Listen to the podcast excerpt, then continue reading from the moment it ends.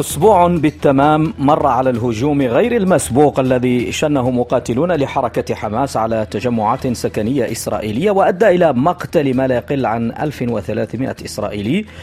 هجوم ردت عليه إسرائيل بقصف وضربات جوية عنيفة متواصلة حتى الآن على قطاع غزة أدت حتى الآن إلى مقتل ما لا يقل عن 1900 أغلبهم من النساء والأطفال. في هذه التغطية الخاصة سنتوقف عند التطورات في الساعات الأخيرة والسيناريوهات المحتملة في الساعات أو الأيام المقبلة. معنا للوقوف عند هذه المسألة من مراسلي مونتي كارلو الدولية في غزة عادل زعنون وفي القدس زياد حلبي وفي بيروت نيكولا نصيف في نيويورك علي برادة وواشنطن هشام ملحم والمستشار السياسي لإذاعة مونتي كارلو الدولية الدكتور خاطر أبو دياب ومن واشنطن الصحفي والمحلل السياسي عنفر سيدي. مرحبا بالجميع.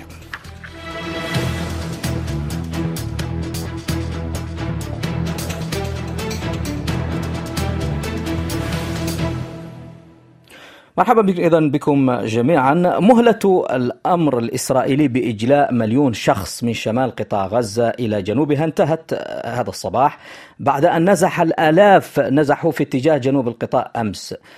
معنا من قطاع غزة عادل الزعنون مراسل مونتي كارلو الدوليه، عادل بعد التحية كيف هي ظروف هؤلاء النازحين والأوضاع في المناطق التي نزحوا منها وتلك التي نزحوا إليها؟ يعني الأوضاع تكاد في غاية الصعوبة كارثية أقل ما يمكن أن يصف به الفلسطينيون.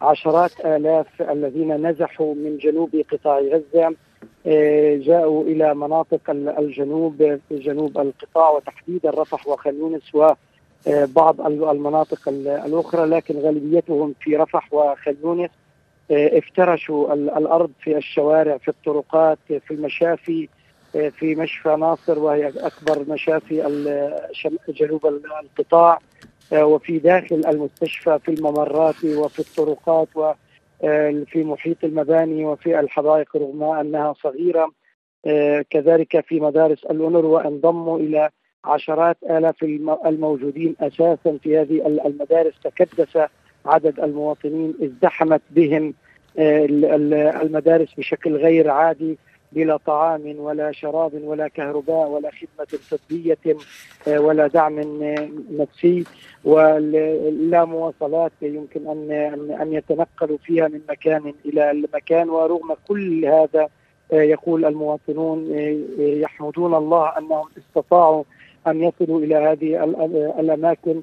إلى جنوب القطاع التي اعتقدوا أنها أكثر امانا آه، ولكن القصف أيضا طال في ساعات الليل وحتى قبل قليل هذا الصباح آه، مناطق جنوب القطاع رفح والخان يونس وسجلت آه، الغارة الأربعة من الضحايا ونحو عشرين جريحا في وسط رفح في في ساحة النجمة أو ميدان النجمة في في رفح. كذلك في وسط خان يونس استهدف بنك تابع لحماس في ذات المنطقة أي في خان يونس وهناك عدد من الضحايا عدا عن القصف المدفعي المكثف جدا على مناطق المناطق الشرقية لوسط القطاع كما هو الحال بالنسبة لشمال شمال قطاع غزة الذي لم يتوقف عليه القصف المدفعي. وأيضا من الطيران على اي المناطق الغربية آه، لمدينة غزة منطقة تل الهوى والرمال. واضح. عاودت الطائرات الحربية استهداف آه، العديد من المنازل آه، أيضا البحرية واضح هذا الإسرائيلية تطلق مزيدا من القذائف وكل ذلك يزيد عدد الضحايا بشكل كبير. وعدد المصابين أيضا بشكل كبير فيما المشافي منهكه واضح عادل. عادل في انظار الإخلاء الإسرائيلي هذا لشمال قطاع غزة والتوجه إلى جنوبها قوبل بتنديد دولي حيث شددت دول عربيه عديدة على أن الفلسطينيين يجب أن يظلوا على أرضهم. المزيد مع محمد سيف الدين.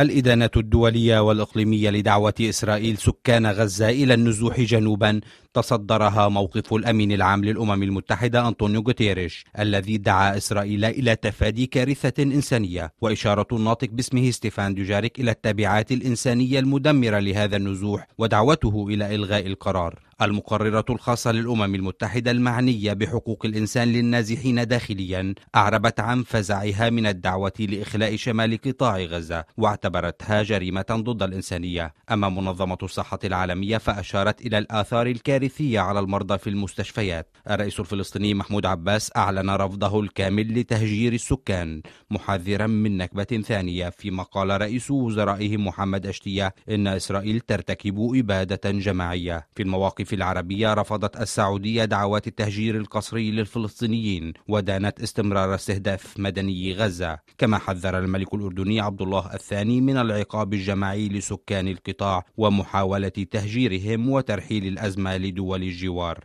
الرئيس المصري عبد الفتاح السيسي استبق القرار الإسرائيلي بدعوة سكان غزة إلى الصمود والبقاء في أرضهم. أما الأمين العام للجامعة العربية أحمد أبو الغيط فاعتبر القرار جريمة حرب جديدة وأشار في خطاب وجهه إلى غوتيريش إلى أن اتفاقية جنيف الرابعة تحظر على القوة القائمة بالاحتلال مباشرة نقل قسري للسكان. وفي الإقليم أيضا نددت الخارجية التركية بالقرار الإسرائيلي وشددت على عدم قبوله بأي شكل من الأشكال. إذا مصر التي تعد الدولة العربية الوحيدة التي لها حدود مشتركة مع قطاع غزة والأردن المتاخمة من الضفة الغربية مصر حذرت إذا من هذا القرار الإسرائيلي ومعنا من القاهرة مستجاب عبد الله مراسل مونتي كارلو الدولية. مستجاب صباح الخير. صباح الخير آدم. مستجاب ما هي أبرز يعني المواقف المصرية وأحدثها بخصوص هذه المسألة وماذا يعني عن المخاوف المصرية بشكل عام حول هذه النقطة؟ نعم يعني هناك تحفظ كبير وقوي مصري على نزوح الفلسطينيين من شمال غزة القاهرة رفضت بوضوح مطالبة الجيش الإسرائيلي بسكان القطاع بمغادرة منازلهم والتوجه جنوبا لأن ذلك معناه أو تراه القاهرة زيادة الضغط والحصار على الفلسطينيين إلى أن يصل الأمر لفرض تهجيرهم من غزة إلى الأراضي المصرية بسيناء السلطات المصرية أبلغت الإدارة الأمريكية رفضها القاطع لمثل هذا الأمر. القاهرة ترى أن مطالبة الفلسطينيين بمغادرة منازلهم يعد مخالفة جسيمة لقواعد القانون الدولي الإنساني وأن هذا آدم سوف يعرض حياة أكثر من مليون مواطن فلسطيني وأسرهم لمخاطر البقاء في العراء دون مأوى في مواجهة ظروف إنسانية وأمنية خطيرة وقاسية فضلا عن تكدس مئات الآلاف من الفلسطينيين في مناطق غير مأهولة لاستيعابهم. القاهرة ترى أن الحل ربما يكون الحل المؤقت ربما يكون في الممرات الآمنة. حيث أنها تتمسك بضرورة وجود ممرات آمنة لإدخال المساعدات الإنسانية والطبية إلى القطاع دون أي شروط أو قيود وبالتالي تتمسك بفتح معبر رفح من أجل إدخال المساعدات الإنسانية والغذائية شكرا مستجاب. غزة نعم. شكرا. سأنقل هذه الأسئلة إلى القدس مع زياد حلبي مراسل مونتي كارلو الدولية. زياد بعد التحية الآن بعد انتهاء المهلة ووسط هذا الرفض الدولي لأمر الإخلاء ما هي الخطوة التالية المحتملة إذن للحكومة الإسرائيلية؟ هي لن تلتفت إلى هذه المواقف. هذا قد يكون التغيير عمليا. إسرائيل ستواصل الضغط العسكري والحملة العسكرية غير المسبوقة على قطاع غزة. لن توافق على فتح ممرات إنسانية ولا إدخال بضائع أو أدوية إلى قطاع غزة. لا من مصر ولا من أي مكان آخر. هذا قرار إسرائيلي في هذه الأيام. لا, لا أرى أنه سيتغير أبدا رغم هذه المواقف. بالنسبة لإسرائيل هي الآن في حرب تريدها أن تكون الحرب الأخيرة على حماس بمعنى احتلال قطاع غزة وعمليا إنهاء القدرات القتالية لحماس والفصائل الفلسطينية في القطاع لأنها تدرك تماما بأن ما حدث في هذه الحرب لم يحدث حتى في عام 73 بالنسبة للإسرائيليين. وبالتالي انطلاقا من هذه الصدمة الجماعية السياسية والعسكرية والشعبية في إسرائيل الإدراك هو بالنسبة للإسرائيليين أن هذه المعادلة يجب أن تتغير آه، كي يعود الناس إلى آه، منطقة غلاف قطاع غزة. لأن عمليا جميع استطلاعات الرأي الآن في إسرائيل تقول بان الناس فقدوا الثقة تماما في الحكومة ولكنهم أيضا فقدوا الثقة بالجيش وهذا غير مسبوق في أي من الحروب السابقة آه، في إسرائيل، إسرائيل ستواصل هذه الحملة العسكرية لأنها عمليا لأن هناك معيارين اثنين دائما يحكمان السلوك الإسرائيلي في الحروب، المعيار الأول الجبهة الداخلية أي عدد القتلى والجرحى، والمعيار الثاني قضية الأسرى. في كلاه في كلا الأمرين إسرائيل لديها نتائج كارثية.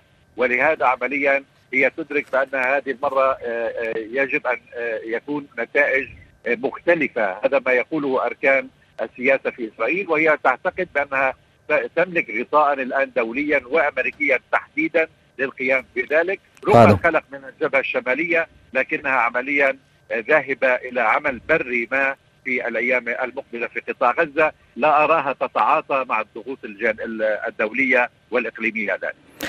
دكتور خطار أبو دياب انطلاقا مما قال زياد وأيضا قول رئيس الوزراء الإسرائيلي بنيامين نتنياهو إنه لن يعني يفصل في ما لن يفصل فيما سيأتي ولكن الحرب ستستغرق وقت.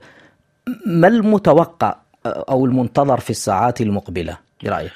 آه، انطلاقا مما سمعناه من المراسلين ومن مقاربة آه، المراسل آه، في القدس المحتلة. هناك وضوح بأن العملية البرية أمامنا ربما ليس بالضرورة في الأيام القليلة المقبلة لكن ما يتم عسكريا من قصف بالزوارق زائد القصف الجوي والبري كل آه، ذلك يهيئ من أجل هذه العملية على ما يبدو ليس مطروحا ابدا آه، من خلال اتصالات بلينكين أو من خلال الاتصالات الدبلوماسية الأخرى. أي حل سياسي في الأفق القريب. ليس هناك من إمكانية الآن لأي كلام إلا الميدان وعلى ما يبدو هذه المواجهة آه، لم يسبق لها في حول قطاع غزة لا مواجهة 2008 ولا 2014 ولا 2021 هناك اذا آه، يعني مراهنة في إسرائيل على إمكانية حسم ما ونوع الأهم هو استرجاع الهيبة استرجاع إمكانية الردع.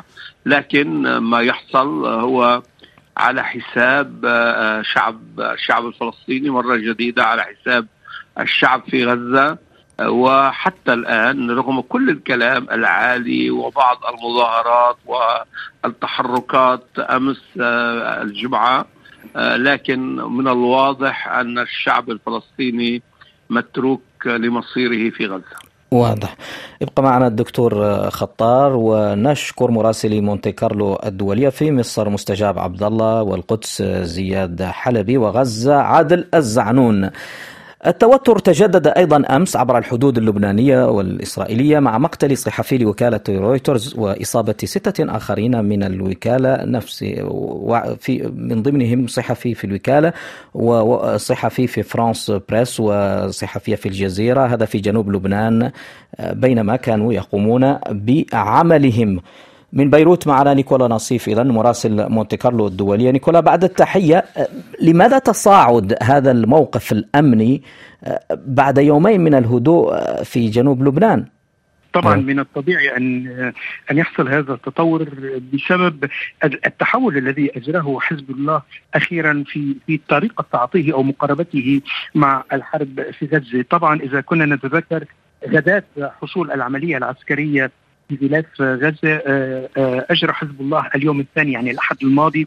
أول عمل عسكري بأن تدخل من خلال مزارع شبعة التي يعتبرها منطقة عمليات أو منطقة محتلة وبالتالي هي منطقة عملياته ضد الإسرائيليين، لكن عمليا في الأيام التالية بدأ يتحول إلى منطقة أخرى كمؤشر إلى تصاعد موقفه أو إلى انخراطه التدريجي على الأقل في الهدي في المواجهة الجارية في في غزة من خلال العمليات التي بدأت تجري على خط على خط على الخط الأزرق، نحن نعرف أن الخط الأزرق هو منطقة الحدود أو منطقة الانسحاب الإسرائيلي من لبنان ومنطقة عملية القرار 1701 وبالتالي آه، آه، أي انخراط أو ضلوع لحزب الله أو تدخل في فيما يجري بين إسرائيل وحماس آه، لا يمكن اعتباره تدخلا فعليا إلا إذا انطلق من الخط الأزرق.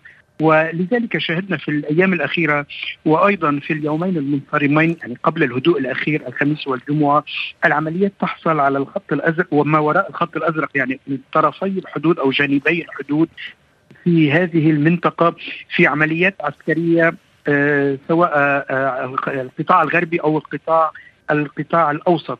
بينما مزارع شبع هي القطاع الصرفي اذا هذا يؤشر إلى أن الحزب يتدرج في التصعيد العسكري. بحسب المعلومات أو تواصلنا مع حزب الله يقول حزب الله إنه اولا وهذا ما أكد عليه عبد حسين أمير عبد اللهيان البارحة. يقول حزب الله إنه ما لم تصل إسرائيل إلى الخط الأزرق أو إلى الخط الأحمر وتتجاوزه أي تنفيذ هجوم مزارع شبعة فهو لن يتدخل وبالتالي ستبقى العمليات بين جانبي الحدود لبنان وإسرائيل هي عمليات فعل ورد فعل. بحسب مسؤول بحسب مسؤول في حزب الله يقول نعمل في هذا أو نتعاطى مع أحداث مع أحداث غزة بالقطعه أي آه، إذا آه، نقوم بعمل يردون أو يقومون بعمل نرد عليه. وبالتالي ليس هناك نطاق أوسع من هذه العمليات من هذا المق... هذه المقاربة بالقطعه على كل حادث على حدة وبحسب تقييم الحزب له.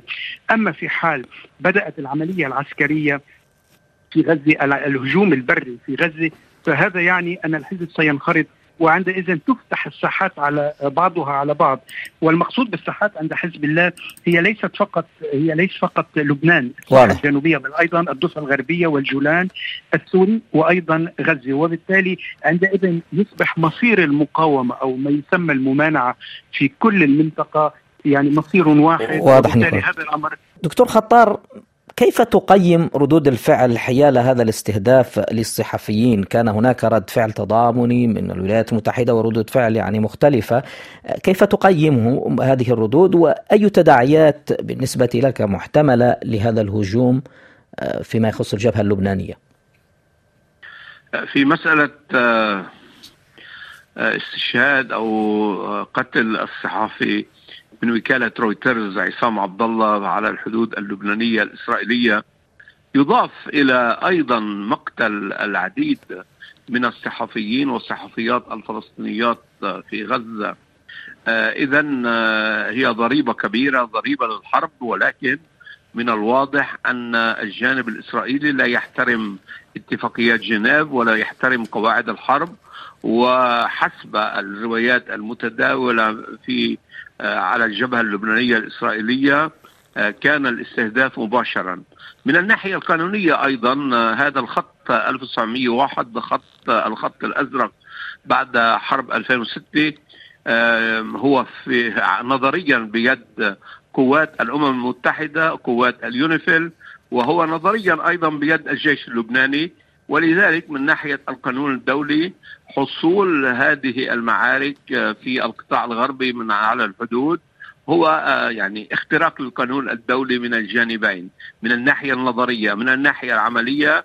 الحرب هي الحرب على ما يبدو آه، القواعد لا تحترم فيها والأدهى من كل ذلك ما كان يقوله الأستاذ نقول نصيف من بيروت. ان أن القرار اللبناني يأتي بعد زيارة وزير خارجية إيراني.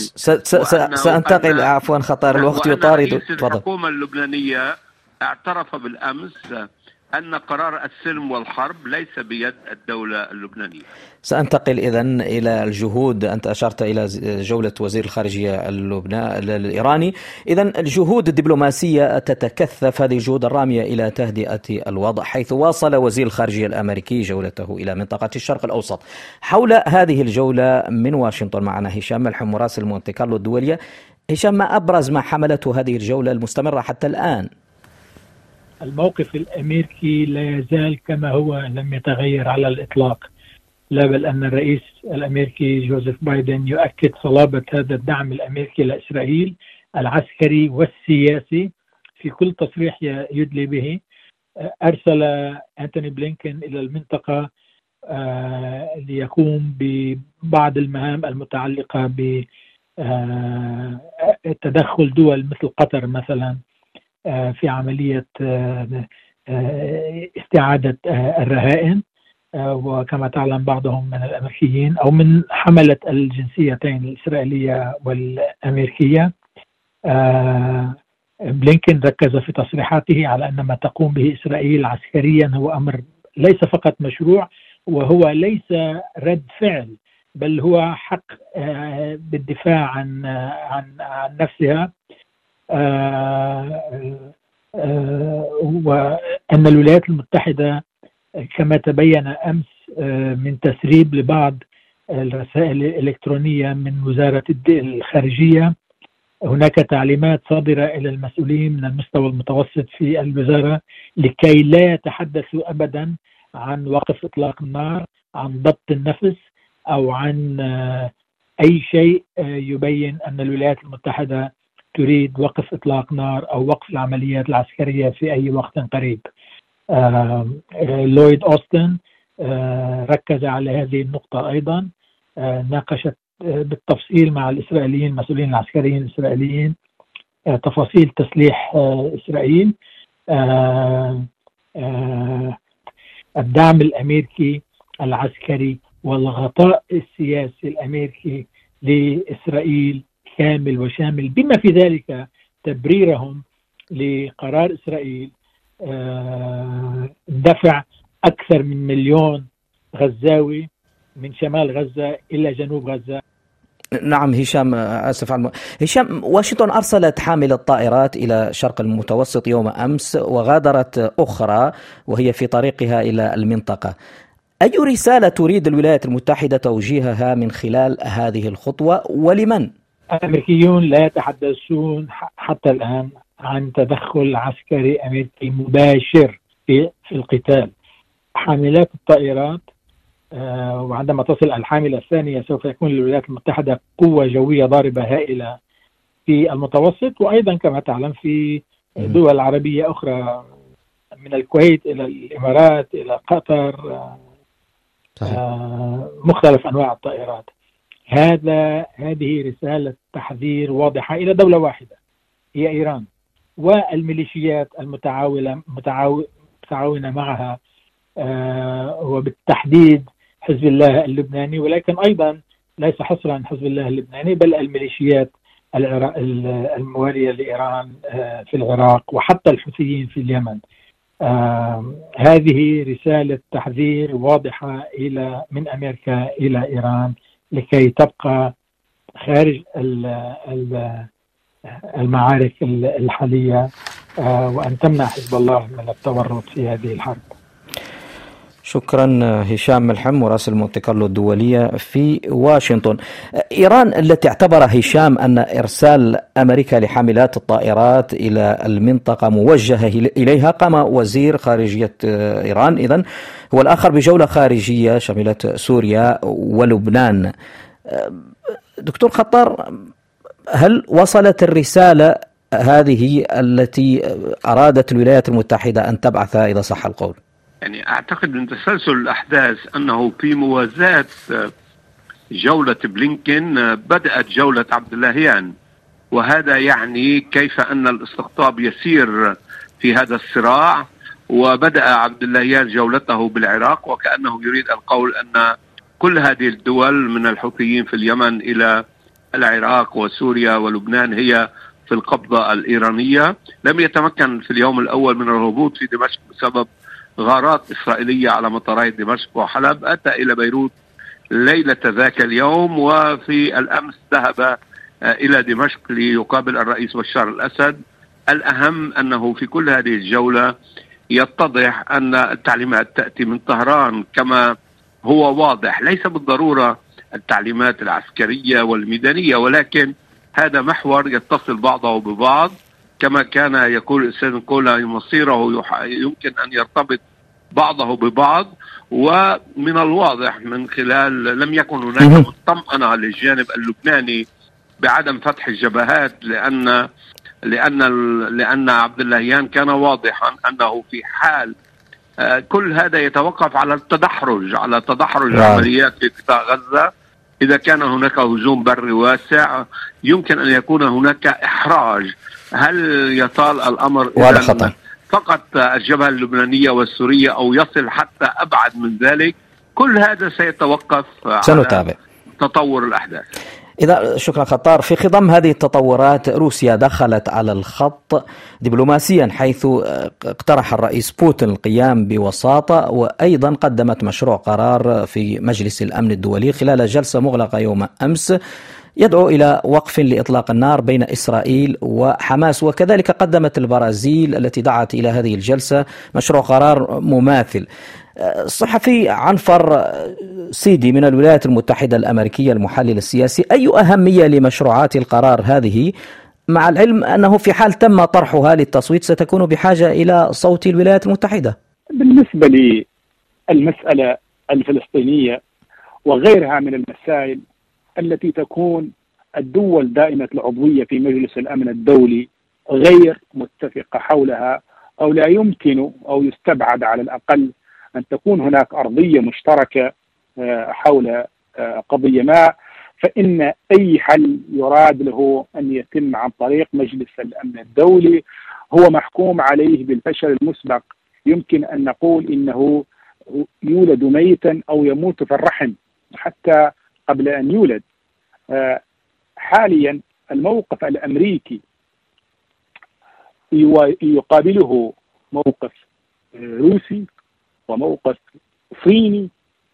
إن لم يكن داعما لإسرائيل فإنه على الأقل لن يكون داعما للموقف الأمريكي في حد ذاته. وحتى لو كانت هناك نقاط اتفاق بحكم أن هذه الدول خاصة روسيا. لديها أيضا نوع من العلاقات مع إسرائيل أو لديها تعاطف مع إسرائيل وليست لديها ارتباطات بحماس. لكن المسألة هنا تتحول من آه، مسألة إدارة الصراع إقليميا إلى مسألة آه، شد الحبل الدبلوماسي بين الدول دائمة العضوية في مجلس الأمن أو بين بشكل أكثر دقة بين الصين وروسيا من جهة ومن جهة ثانية الولايات المتحدة الأمريكية. عندما يتعلق الأمر بمواقف أو بقضايا تدعمها روسيا أو تدعمها الصين فإن الفيتو الأمريكي والمعارضة الأمريكية دائما ستأتي. في المقابل أيضا فإن آه مثل هذه القضايا التي تكون آه الولايات المتحدة تلعب فيها دور الصدارة ودور الريادة فإن المعركة ستنتقل من بعدها الأصلي المتعلق برقعة شطرنج في منطقة ما إلى رقعة شطرنج أكبر على المستوى الدبلوماسي الدولي المتعلق بالنفوذ ما بين هذه القوى الكبرى.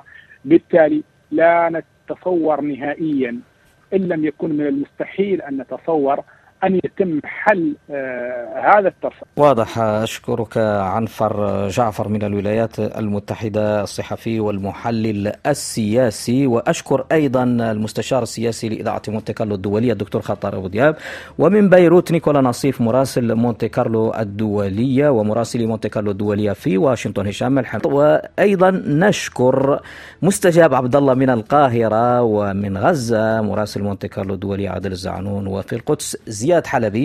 شكرا لطيب استماعكم وطاب يومكم أينما كنتم.